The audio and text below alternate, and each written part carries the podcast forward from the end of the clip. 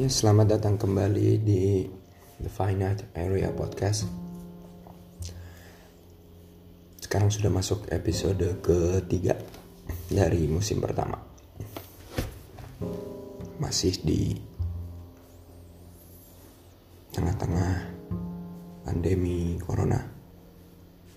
Semoga kalian semua yang mendengarkan bisa tetap sehat, stay safe hmm, keluar jika perlu saja untuk sementara waktu. Semoga segera membaik. Oke. Kita mulai aja pembahasan kali ini masih berhubungan dengan bidang gua yang dekat yaitu soal kendaraan air, berbagai macam kendaraan air um, gue di sini bakal jelasin uh, jelasin uh, berbagi informasi kepada lo semua tentang berbagai jenis kendaraan air yang ada di Indonesia. Ya di dunia juga sih cuman spesifik di Indonesia. Ya. Hmm. Uh, sebenarnya cuma tiga aja yang gue bahas di sini. Gue tidak akan membahas watercraft yang dipakai buat kalau kalian misalnya ke ke mana ke Bali atau ke Lombok water watercraft yang dipakai buat sports itu nggak gue bahas di sini karena meskipun itu bisa disebut kendaraan tapi lebih dipakai cuma buat um, wisata singkat ya apa namanya wisata air singkat gitu. Jadi nggak gue bahas yang gue bahas utama adalah kapal boat atau perahu dan yacht. Nah gue bakal di sini jelasin apa perbedaan dari ketiga jenis kendaraan ini. Jadi langsung gue mulai aja. Mulai dari ter terminologi yang pertama yaitu kapal. Ya kapal lagi dan kapal lagi dari podcast ini. Semoga lu semua nggak bosen Um, jadi gue sering banget ya dengar orang nyebut kata ini dengan subjek yang salah. Sebenarnya juga nggak bisa dibilang 100% salah. Maksudnya ya wajar kalau orang-orang kebanyakan memang tidak tahu uh, istilah yang tepat untuk berbagai jenis kendaraan-kendaraan air. Kayak kadang orang kalau orang yang bekerja di laut, pelaut atau tukang bikin kapal atau naval arsitek atau engineer pastinya bisa membedakan.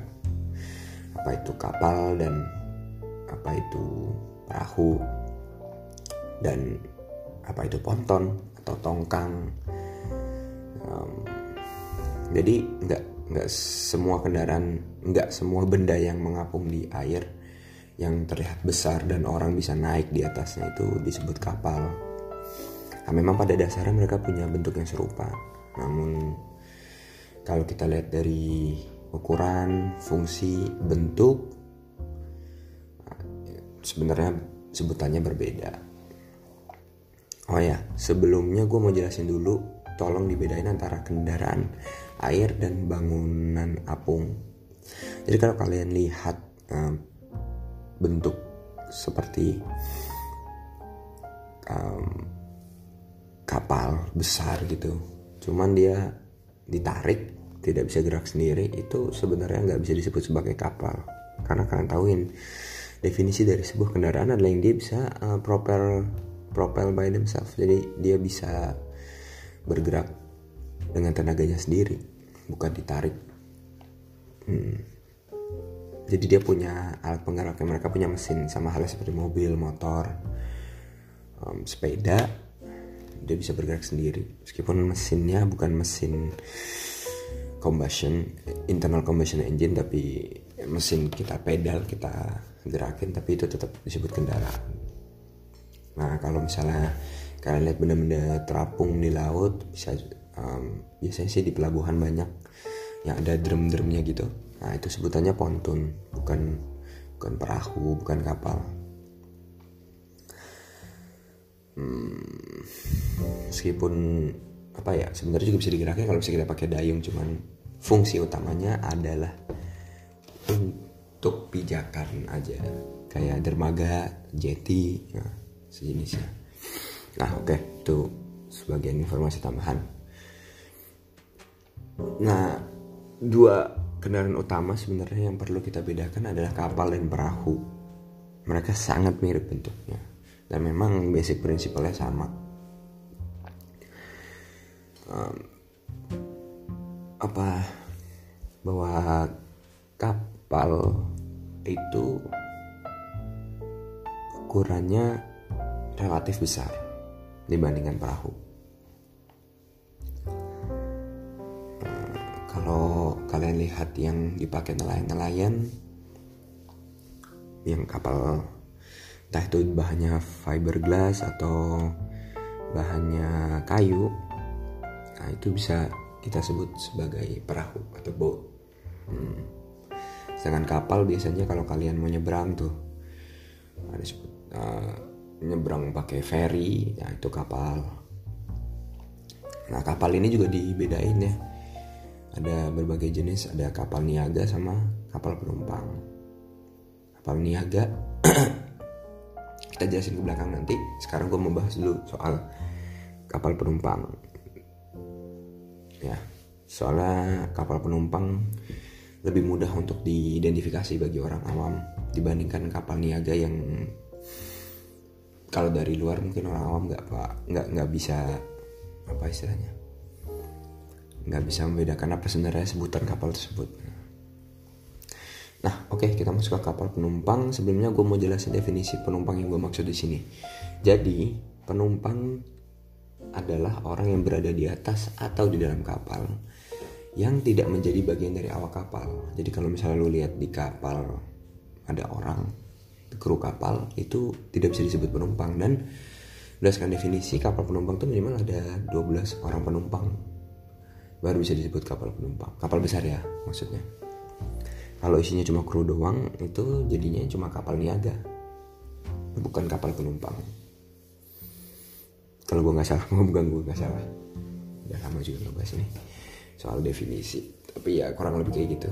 Nah kapal penumpang ini gue yakin beberapa dari kalian pasti juga pernah naik kecuali kalian orang-orang um, kaya yang super kaya yang tidak pernah naik kapal sih. Karena lebih cepat naik pesawat daripada naik kapal kalau untuk nyebrang dari satu pulau ke pulau lain. Nah salah satunya yang pernah kalian naiki adalah kapal feri umumnya. Orang umum biasanya naik kapal feri untuk nyebrang ya kan? Sambil bawa mobil atau bawa kendaraan kalian. Yang lain bisa sepeda atau motor. Tapi sebelum yang gue mau sedikit jelasin tentang sejarah uh, sebutan ferry bahwa sebenarnya ferry itu sendiri bukan terbatas hanya untuk kapal besar yang biasa kalian lihat di pelabuhan. Jadi arti ferry sebenarnya adalah tempat untuk orang, barang, dan kendaraan itu dibawa menyeberang via air. Secara simpelnya kayak gitu. Jadi kalau misalnya kalian nyebrang pakai perahu, pakai kano, itu juga disebut ferry. Bahkan tempat nyebrangnya, airnya yang buat nyebrangnya itu, itu juga disebut ferry. Nah cuman di episode kali ini gue yang gue maksud adalah kapal ferry yang ukurannya relatif besar um, atau boat atau perahu yang biasa dipakai nyebrang ke pulau-pulau wisata gitu. Nah, ada lagi kapal penumpang yang eksklusif yaitu yacht. Nah, kalau yacht ini agak berbeda nih peraturannya beda antara kapal penumpang yang tadi gue definisinya adalah harus um, 12 orang minimal. Nah, kalau yacht ini um, lebih spesial Ya sebenarnya secara bahasa istilah yacht ini artinya sama dengan boat atau perahu yang berasal dari bahasa Belanda. Jadi it comes from the Dutch. So the Dutch people used to call it yacht when they when they saw a boat. Ya. Jadi dulu istilah yacht ini untuk menyebut perahu layar yang ringan dan cepat yang dipakai sama marinir atau navy-nya Belanda buat tangkapin bajak laut, uh, perompak. Nah biasanya ukurannya tergolong besar dibanding perahu-perahu pada umumnya dan sedangkan istilah boat atau perahu sendiri itu dipakai untuk um, kendaraan air yang ukurannya lebih kecil dan bisa beragam bentuknya mulai dari perahu nelayan sampai perahu layar. Jadi kalau gue recap yacht itu dulunya emang itu sebenarnya sama boat itu ya yacht. Cuman yacht itu lebih ke yang uh, high speed craft lah uh, kendaraan-kendaraan cepat. Yang pakai layar ringan cepat dipakai sama marinir. Belanda dulunya buat tangkap bajak laut sedangkan perahu lebih ke arah untuk uh, masyarakat umum buat nelayan nyari ikan meski uh, atau perahu layar perahu layar warga biasa kayak gitu. Nah jadi sebenarnya kalau lu sebut yacht itu lu sebut boat juga nggak ada salahnya. Karena emang banyak juga yang kita nyebut um, yacht itu boat ya, emang emang emang sama sebenarnya. Cuman mungkin ada beberapa orang yang pemilik yacht itu bisa tersinggung kalau kalau lu sebut itu boat atau perahu gitu. Ya karena dari harganya sudah wadididau dididau jauh sekali jauh jauh jauh. Jadi nah saya saya berjalannya waktu sekarang yacht itu diklasifikasikan sebagai kendaraan air yang berukuran antara 33 feet atau 33 kaki sampai 160 feet. Untuk konversi ke meter kalian cari sendiri di Google. Gue juga gue agak lupa konversinya kayak itu ke atas dan lebih besar dari itu disebutnya super yacht jadi kalau um, yacht yang panjang ini panjang ya ukuran yang gue maksudnya adalah panjangnya lebih dari 160 feet udah bisa disebut super yacht dan ciri dari yacht itu biasanya berpenampilan estetik or aesthetically pleasing mewah you name it lah. Pokoknya dia tuh uh, unik dia kalau lu, lu bisa lihat lah yang mana yang perahu yang mana yacht biasanya yacht lebih lebih artistik lebih indah gitu bentuknya. Kalau perahu ya ya sesuai fungsinya aja gitu. Yang penting bisa ngapung bisa berlayar ya udah gitu. Kalau yacht ya harus bisa ngapung harus bisa berlayar harus nyaman harus luxurious harus indah harus bagus apa ya artistik lah. Nah kalau boat sendiri atau perahu itu ukurannya umumnya lebih kecil. Berkisar antara 15 sampai 30 feet lebih dari itu bisa disebut kapal kayak gitu. Cuman banyak orang memang uh, lebih gampang nyebutnya. Kadang bahkan yang besar sekalipun tetap disebut boat. Mungkin untuk membedakan antara kapal tuh lebih ke arah yang um, bawa barang uh, kapal pesiar yang besar gitu ya kapal penumpang besar berarti oke lanjut.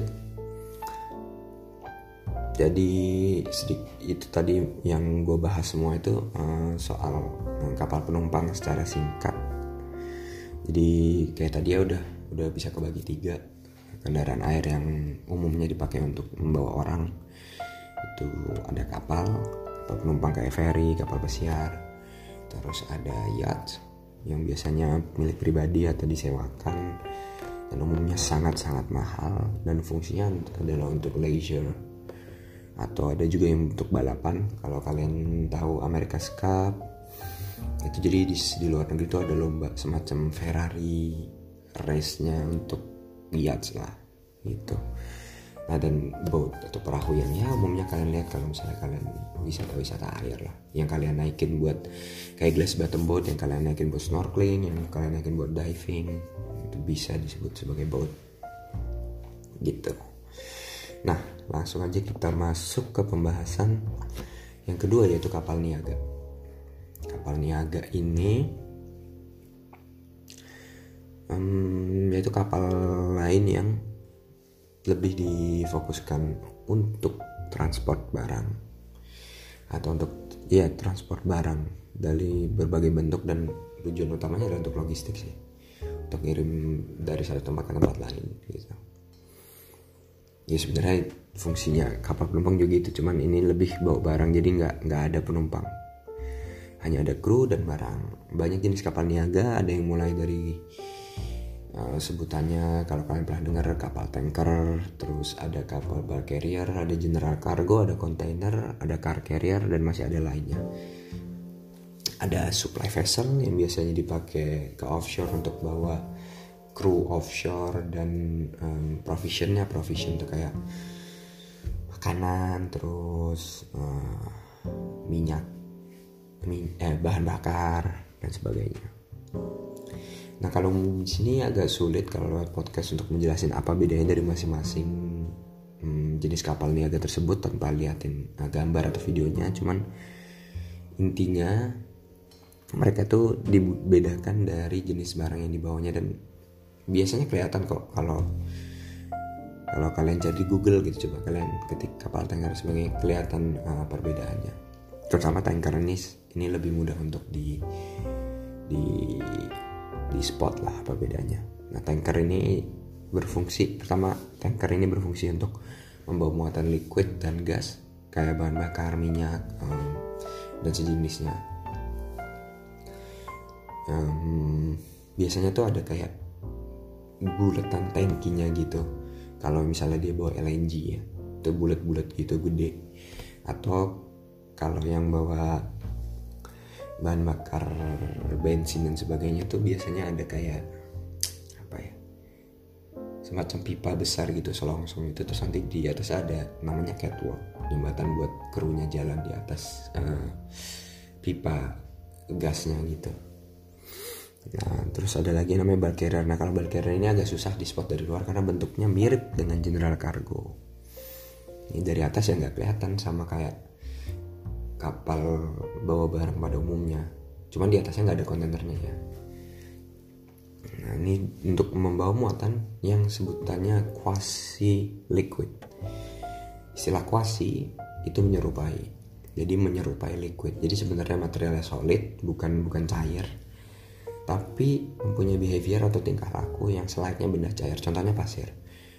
Apa sih ciri dari um, liquid itu kan um, memenuhi wadahnya. Nah pasir juga sama kalau lo taruh pasir di di kotak bentuknya bakal menyerupai kotak tersebut. Kalau lo taruh di galon bentuknya menyerupai galon. Dan gerakannya seperti uh, benda cair atau liquid. Terus ada batu bara, um, apalagi ya? pokoknya umumnya bahan-bahan tambang jadi bar carrier ini umumnya membawa bahan bahan-bahan tambang gitu pokoknya karena dia bentuknya uh, liquid. Eh dia dia sebenarnya material solid cuman bertingkah laku seperti liquid yang gue sebut tadi quasi liquid.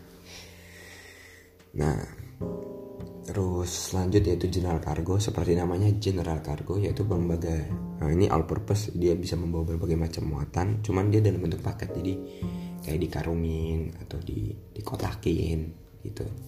Isinya bisa apa aja nah sedangkan kontainer ini paling gampang di spot kalian pasti tahu kalau kalian lihat kapal di atas ada kontainer ya udah. Itu kapal kontainer yang membawa bentuk barangnya dalam bentuk kontainer baik itu 20 feet atau 40 feet. Hmm, paling itu aja untuk episode kali ini cukup singkat. Semoga bisa menambah insight dan informasi bagi kalian semua uh, tentang berbagai macam kendaraan air. Uh, mungkin nanti di episode lain gue pengen jelasin tentang kendaraan-kendaraan yang menyenangkan kayak macam jet ski, terus jet surf. Kalau kalian pernah dengar jet surf, uh, surfboard, terus apa lagi ya? hmm, water apa sih nyebutnya tuh water jet nah pokoknya yang semacam itu. Tapi untuk episode kali ini cukupkan sekian. Um, tidak menjelaskan secara komprehensif tapi hanya memperkenalkan apa aja kendaraan air dan ya sedikit memberi informasi istilah-istilah dan historisnya. Oke terima kasih buat kalian yang udah mendengarkan podcast uh, The Finite Area ini. Um, stay safe, stay healthy, dan sampai jumpa di episode berikutnya.